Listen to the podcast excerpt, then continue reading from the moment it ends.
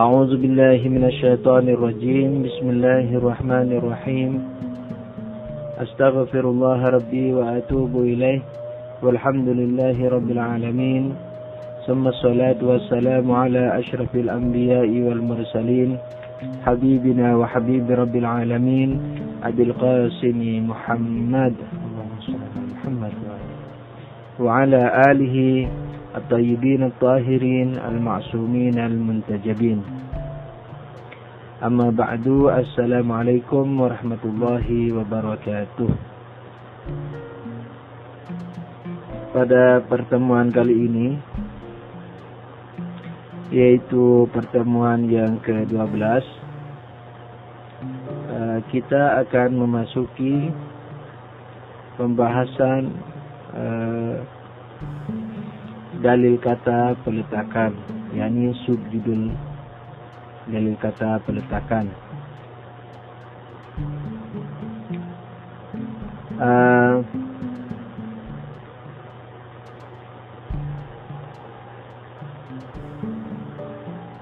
dari yang telah dijelaskan pada pelajaran-pelajaran terdahulu dapat dipahami bahwa perpindahan akal dari satu kata kepada suatu makna eh, itu dikarenakan eratnya hubungan antara kata dan maknanya di dalam akal kita. Uh, kalau seseorang tidak mengenal keeratan itu, maka sekalipun mendengar berulang-ulang kata yang diucapkan, maka akalnya tidak akan pernah berpindah dari makna kata, dari kata yang didengarnya kepada makna yang dimaksud. Nah, uh, dengan ini yakni dengan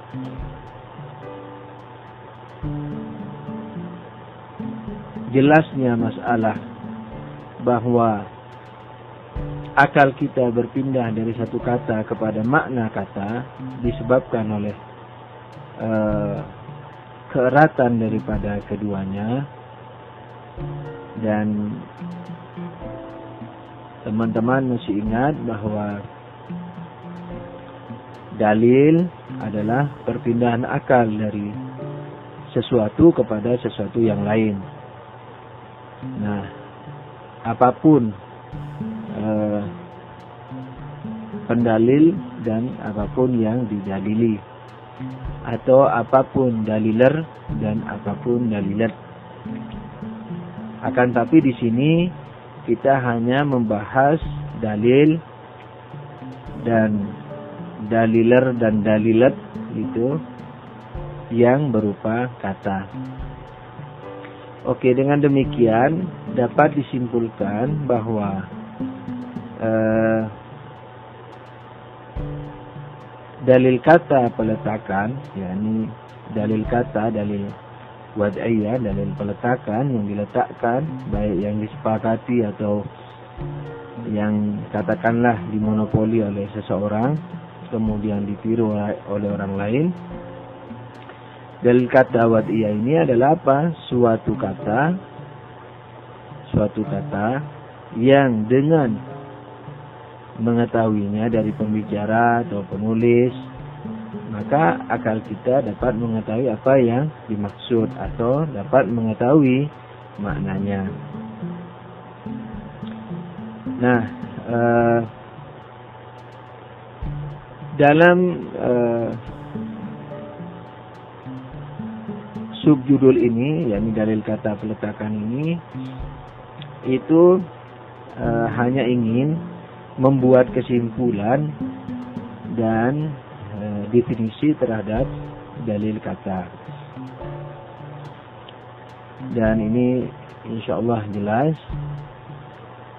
uh, yang dimaksudkan adalah uh, jelas terhadap apa yang dimaksudkan yaitu bahwa uh, dalil kata peletakan adalah ketika akal mengetahui kata tersebut, baik yang bersuara atau yang ditulis, akal kita berpindah kepada maknanya. Subjudul berikutnya adalah pembagian dalil kata. Nah, ini susah-susah ringan, tapi eh, sebagaimana maklum selalu saya wasiatkan untuk tidak meremehkan apa-apa yang dianggap mudah. Nah, di sini harus yakni pada pelajaran berikutnya ini harus mulai lebih teliti. Karena apa? Kata yang kita pakai yang kita pelajari dari orang tua, lingkungan itu e, tidak sedetail apa yang akan kita kaji sekarang. Ini bahasa katakanlah Indonesia yang kita pelajari itu eh, sekalipun kita sudah mahir tapi eh, tidak akan saya teliti bagaimana logika atau filsafat mempelajari bahasa yakni melihat dari sisi hubungannya dengan maknanya. Di sini kata dibagi menjadi tiga. Dalil kata peletakan ini dibagi menjadi tiga. Yang pertama cocok, yang kedua kandungan atau bagian, yang ketiga kelaziman. Apa yang dimaksud cocok? Apa yang dimaksud uh, kandungan dan apa yang dimaksud uh, kelaziman? Sebagaimana maklum, kata yang kita kaji selama ini, yang kita maksudkan selama ini adalah hubungan yang diketahui oleh akal antara sebuah kata dengan maknanya. Nah, manakala makna yang dikandung atau yang dimaksud oleh sebuah kata itu adalah sesuai dengan peletakan awalnya, yakni sesuai dengan eh, awal kata itu diletakkan pada makna tersebut, maka itu yang disebut dalil kata cocok. yakni mutabiqiyah dalam bahasa Arab. Mutabiq yakni cocok 100% atau 100% eh, kata yang dimaksudkan seluruhnya bermaksud kepada makna yang dimaksudkan seluruhnya. Seperti rumah, manakala kita eh, katakanlah eh, apa ya, seperti membeli rumah. Nah, rumah pada kata saya membeli rumah itu dalilnya yakni dalil cocok. Yakni rumah kata rumah yang dipakai itu sepenuhnya apa? Sepenuhnya menunjukkan kepada arti seluruhnya jadi rumah rumah itu melambangkan apa yang dimaksud dari awal seluruhnya. Yakni rumah. Saya membeli rumah. Tapi lain ketika saya mengatakan rumah saya bocor. Nah kalau saya membeli rumah kata rumah di sini menunjukkan kepada seluruh makna rumah yang memang dari awal diletakkan untuk itu.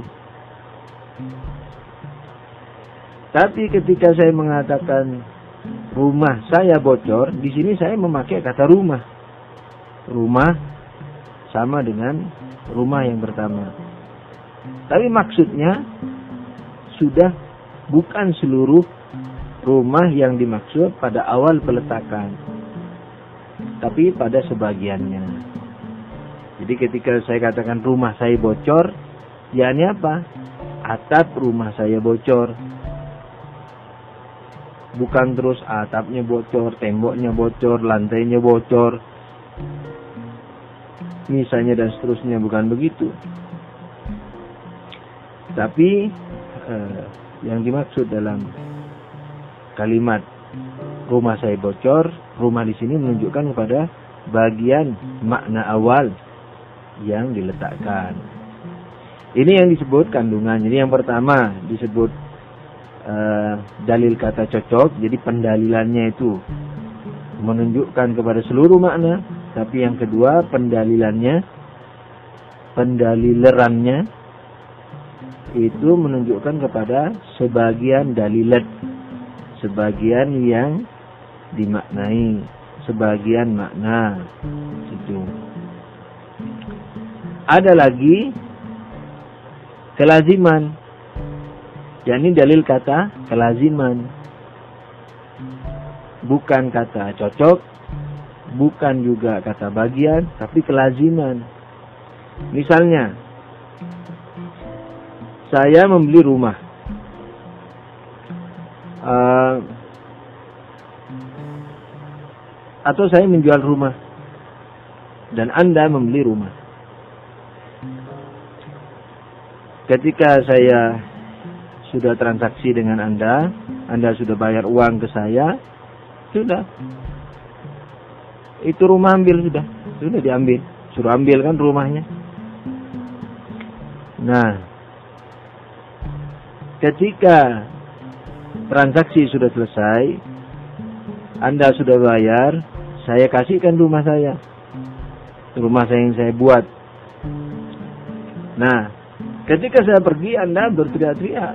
Ah, Ibu Amar. Mana surat-suratnya?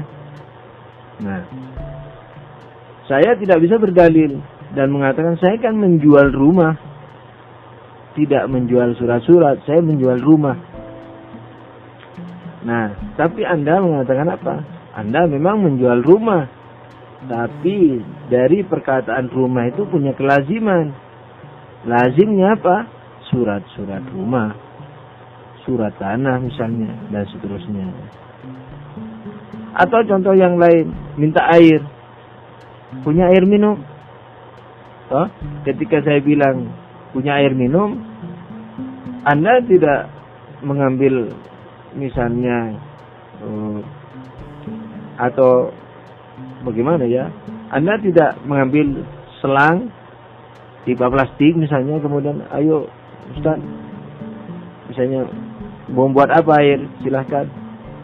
Umpamanya punya air minum misalnya terus suruh minum lewat diambilkan selang dari dalam rumah misalnya. Kan tidak begitu.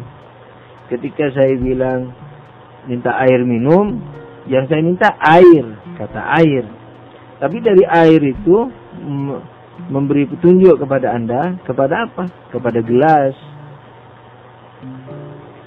Ya ini bukan air saja. Ya, seperti misalnya apa sajalah minta rokoknya.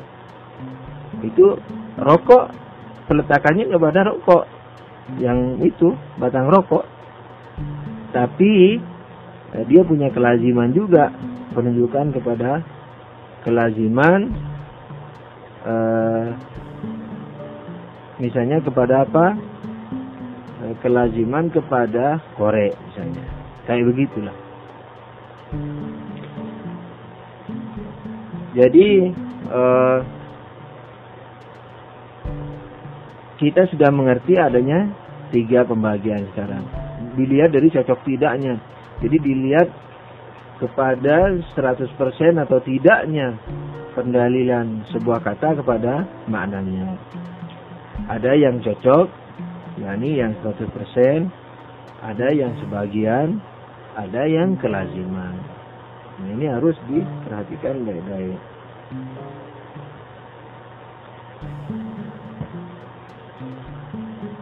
Uh, saya rasa kita baca naskahnya. Dalil kata peletakan. Dengan penjelasan terdahulu, dapat dipahami bahwa perpindahan akal dari suatu kata kepada maknanya dalam dalil peletakan maksudnya terjadi karena hubungan yang sangat erat antara keduanya, yakni antara kata dan makna. Naskah sehingga kalau kita mendengar katanya, jadi ini mendengar kata-katanya, itu seakan kita melihat maknanya.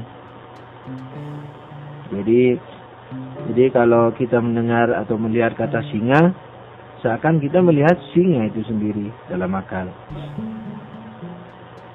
Begitu pula kalau kita melihat maknanya. Jadi kalau kita lihat singa, kita ingat juga kepada kata singa. Jadi bukan ingat malah, langsung singa. Jadi singa, S-I-N-G-A. Itu yang ada di benak kita. Bukan, uh ini keberadaan empat kaki buas enggak langsung singa gitu jadi naskah ya begitu pula kalau kita melihat maknanya seakan datang pula kata itu pada pikiran kita jadi maknanya kita lihat katanya datang katanya kita dengar atau kita baca maknanya juga datang di akal kita Perpindahan itu, naskah ya, perpindahan itu bisa terjadi hanya pada akal yang mengetahui hubungan keduanya. Jadi kalau singa misalnya orang Inggris, kita bilang singa, nggak ngerti dia. What is singa? Is food? Nah, iya. Makanan kasih biar dia yang dimakan. Jadi eh, apa namanya?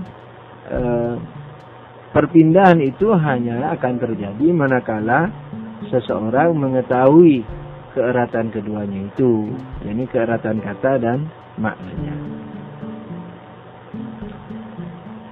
Dengan demikian, yakni naskah, kita dapat mendefinisikan da, bahwa dalil kata peletakan, yakni wada'nya, baik yang bersuara atau tidak, adalah suatu kata yang dengan mengetahuinya dari pembicara atau penulis dapat mengetahui makna yang dimaksud. Yani suatu kata yang dengan mengetahuinya dari pembicara atau penulis dapat mengetahui makna yang dimaksud. Nah, dalam naskah dapat mengetahui makna yang dimaksud ditulis tegak mestinya dia juga miring yakni tulisan yang miring berbunyi begini suatu kata yang dengan mengetahuinya daripada pembicara dari pembicara atau penulis dapat mengetahui makna yang dimaksud. Nah, itu miring semua. Cuman garis keterangan ini kurang satu yaitu mesti ada uh, garis miring lagi antara mengetahuinya dan dari. Yani suatu kata yang dengan mengetahuinya keterangan ini garis miring keterangan dari pembicara atau penulis garis keterangan penutup garis miring keterangan penutup dapat mengetahui makna yang dimaksud begitu. Nah, untuk subjudul uh, yang pertama kali ini ini dalil kata pitakan sudah selesai. Kita masuki kepada pembagian dalil kata. Yani subjudul berikutnya. Yani naskah karena tadi udah diterangin. Dilihat dari segi cocok tidaknya suatu kata pada maknanya kata dibagi menjadi tiga. Yani dilihat dari segi cocok tidaknya suatu kata pada maknanya, kata dibagi menjadi tiga. Satu, dalil kata cocok. Ini mutabiqiyah. Dalil kata cocok adalah kata yang menjadi pendalil terhadap seluruh makna yang memang telah diletakkan semula. Seperti rumah tadi. Diletakkan semula pada makna yang dimaksud. Seperti naskah, seperti pendalilan kata buku terhadap seluruh maknanya buku.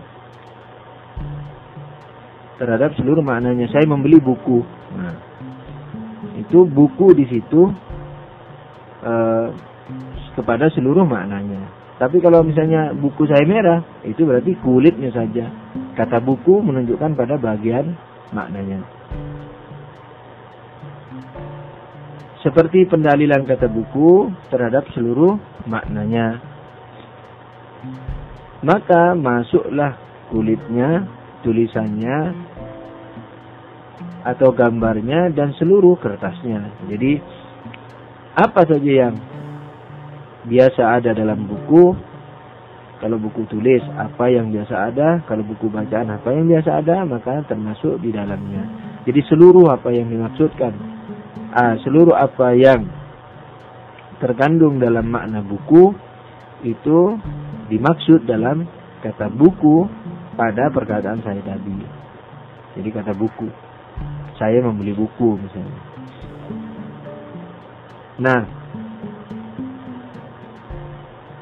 naskah dalil dalil cocok ini sebenarnya merupakan asal dari peletakan suatu kata. Jadi asal muasal adanya kata itu semuanya adalah dalil kata cocok. Kemudian berkembang berkembang menjadi kandungan, kemudian kelaziman, dan seterusnya. Naskah dalil cocok ini sebenarnya merupakan asal dari peletakan suatu kata. Sedangkan kedua dan ketiga dalam pembagian berikut merupakan cabang dari dalil cocok ini. Jadi asalnya adalah dalil cocok, Kemudian eh, berikutannya adalah dalil kandungan dan kelaziman. Yang kedua dalil kandungan atau bagian tadamunia atau implication.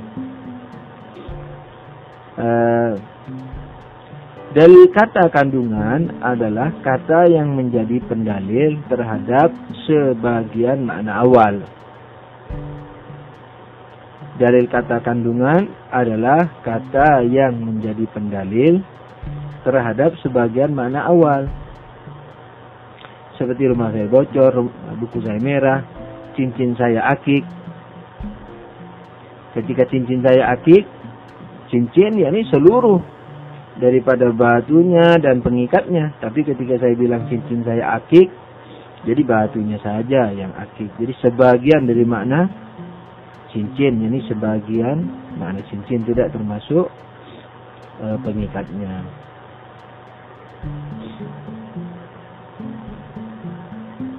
uh,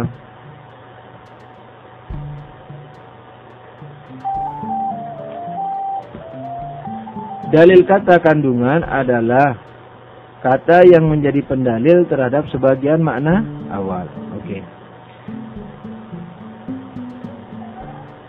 Misalnya pada kalimat buku Anda merah. Jadi e, misalnya pada kalimat buku Anda merah atau buku saya merah. Nah, kata buku di sini itu sudah tidak menunjukkan kepada mana awalnya lagi. Yang tadinya seluruh e, kulit, kertas, tulisan dan seterusnya sekarang sudah menunjukkan kepada katakanlah kulitnya aja misalnya. Buku saya bahasa Arab, buku saya Inggris. Nah itu sudah bukan kertasnya, bukan kulitnya lagi, tapi tulisannya. Padahal pakai kata buku.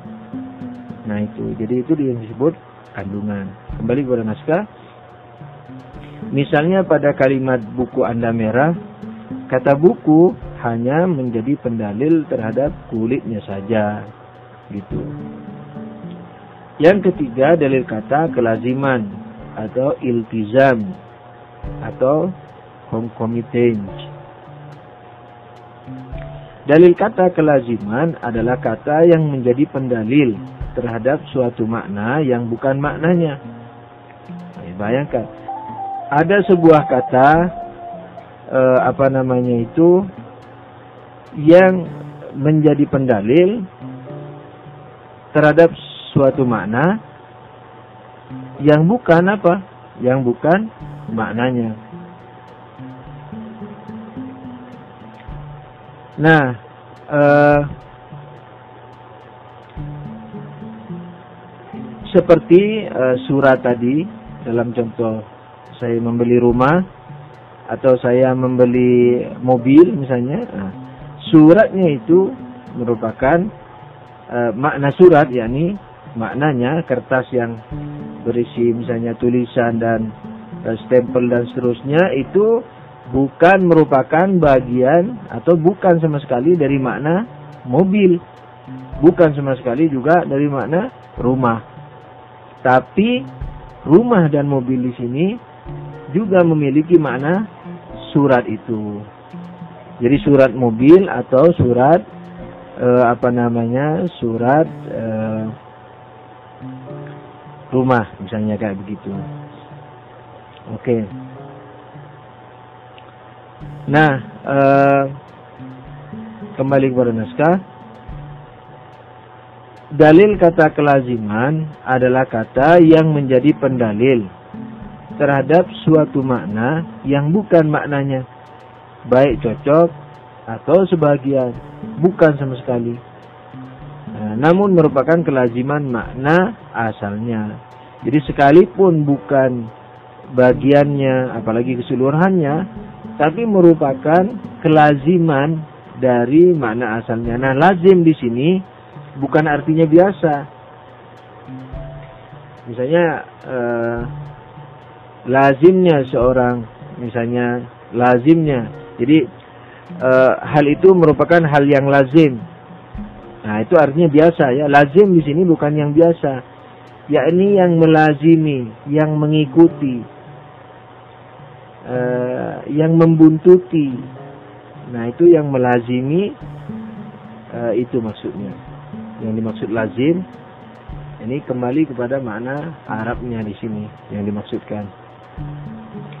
Misalnya uh, lazimnya es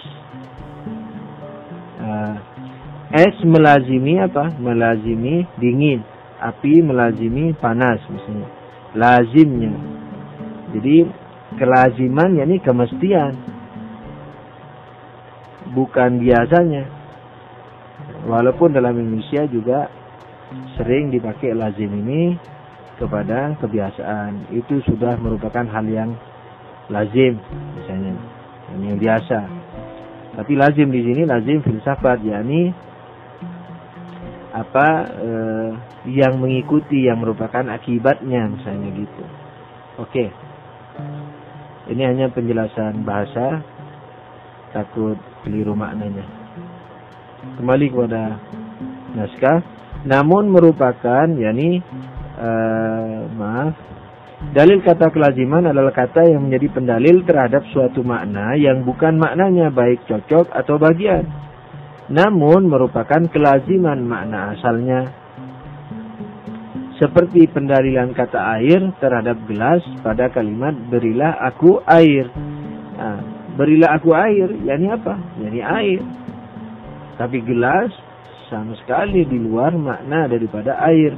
Tapi antara gelas dan air, gelas dan air merupakan kelaziman. Tentu ketika eh, apa korinahnya, jadi kondisinya, kondisinya adalah orang minta minum. Tapi kalau kondisinya misalnya eh, rumahnya dia terbakar, beri aku air. Nah, jangan diberi lagi gelas, dilempar kita dengan gelasnya itu. Jadi beri aku air ya ini apa? Ya dengan semprotan, ya dengan timba, ya segala macam itu. Kelaziman air ketika eh, kondisionalnya eh, dalam keadaan rumah terbakar, ya, berilah aku air. Air di sini menunjukkan kepada air dan juga kepada mana kelazimannya. yakni timba, semprotan dan lain-lain. Tapi kalau orang mau minum, berilah aku air. Yani air di sini di samping menunjukkan kepada makna asalnya, yakni air, juga menunjukkan kepada makna kelazimannya. Berikutannya yang membuntuti yakni apa gelas. Nah, syarat-syarat dalil kata kelaziman ada dua antara lain ya mungkin dalam buku yang lebih rinci lebih banyak tapi eh, setidaknya dua ini syarat tidak eh, dua syarat ini tidak boleh diabaikan. Satu, kelaziman antara arti kata dan arti kelazimannya itu merupakan kelaziman dalam akal. Selain kelaziman luar akal tentunya ya. Jadi kelaziman keduanya tidak boleh hanya di luar akal. Misalnya, apalah ambil contoh lazimnya misalnya uh, garam umpamanya ya atau lazimnya misalnya daging itu kolesterol misalnya banyak makan daging menjadi kolesterolan kita misalnya. Nah, kelaziman antara banyaknya kolesterol dalam tubuh kita itu eh, harus diketahui oleh eh, seseorang yang ingin memahami antara kelaziman kolesterol dengan daging. Jadi kalau tidak memahami, misalnya jangan makan daging, oh, kamu harus menjaga kesehatan, jangan makan daging. Nah, daging. Jadi yang disebutkan daging, tapi eh, yang diinginkan juga di antara makna daging itu adalah apa? Kolesterolnya misalnya. Nah, orang yang tidak sekolah bisa saja tidak mengerti antara kelaziman tersebut. Nah, jadi bisa marah-marah kan ada cerita itu ada orang yang eh, darahnya sudah tinggi sekali. Lalu dibilang sama dokternya, Bapak tidak boleh makan daging ya. Nah, jadi kalau daging dengan darah tinggi bagi dokter merupakan kelaziman. Kata daging maknanya juga darah tinggi. Kelaziman. Tapi yang si pasien ini tidak mengerti kelaziman itu. Terus si pasien tanya, dokter makan daging nggak? Ya makan. Loh, enak saja dokter menyuruh saya jangan makan daging, disuruh makan rumput-rumput, tapi daging ini dimakan dokter. Nah, gitu. Jadi marah-marah karena tidak ngerti antara kelaziman darah tinggi dengan kelaziman eh, daging dengan darah tinggi. Oke. Okay. Saya ulang, naskahnya satu kelaziman antara arti kata dan ini arti kata asal dan arti kata kelazimannya itu merupakan kelaziman dalam akal selain tentunya selain di luar akal. Jadi kelaziman keduanya tidak boleh hanya di luar akal. Syarat yang kedua, kelaziman antara keduanya harus merupakan kelaziman yang jelas. Jadi begitu menggambarkan makna pertama, atau iya, ini akal, langsung dapat menggambarkan makna kedua yang menjadi kelazimannya. Jadi kelaziman itu di samping harus merupakan kelaziman akal di samping di luar akal, ia juga merupakan kelaziman yang jelas. Jangan sampai tidak jelas seperti pasien tadi. Jadi ngamuk sudah. Jadi dokternya misalnya tidak tahu kalau dia tidak sekolah, tidak ngerti antara kelaziman daging dan kolesterol itu atau sorry daging dan darah tinggi lalu akhirnya ketika dokternya ngomong seperti itu marah pasiennya. Atau misalnya uh, uh, kelaziman uh, misalnya uh, saya mau nyebut ini dari tadi tapi tidak enak. Kelaziman uh, mulut harimau yang bau misalnya harimau katanya mulutnya bau. Makanya kadang-kadang dia buka mulutnya terus lalat yang masuk dimakan. Umpamanya lah. Anggaplah begitu. Kalau tidak percaya coba di lihat sendiri di kebun binatang kalau berani. Nah kelaziman antara singa dan bau mulutnya itu tidak ada pada benak kita. Kelazimannya hanya di luar. Tidak jelas bagi kita. Tidak sejelas antara Eh, kelaziman singa dengan keberaniannya misalnya. Jadi singa dan beraninya itu jelas bagi kita gitu. Jadi e, kelaziman e, syaratnya minimal dua ini merupakan kelaziman dalam akal di samping di luar akal dan kelazimannya itu jelas jangan samar-samar jangan tidak diketahui dan seterusnya. Sekian perjumpaan kita ini. Mudah-mudahan Allah selalu memberikan bimbingan kepada kita sehingga apa pun yang kita lakukan eh, kita lakukan dengan ikhlas. Ikhlas yakni apa? Usaha profesional dan dilatar belakangi karena Allah saja. Jadi ikhlas jangan hanya diartikan karena Allah. Sementara dalam praktiknya uh, tidak sungguh-sungguh uh, atau memakai metodologi selain yang diridhoi Allah. Itu bukan ikhlas karena Allah. Ikhlas karena Allah yakni profesional sungguh-sungguh dan juga di latar belakang niat karena Allah Subhanahu wa taala. Semoga kita selalu menjadi orang ikhlas dalam apa pun usaha dalam kehidupan ini. Eh, bihaqi Muhammadin wa alihi tahirin. Amin ya rabbal alamin. Wabillahi taufik wal hidayah. Wassalamualaikum warahmatullahi wabarakatuh.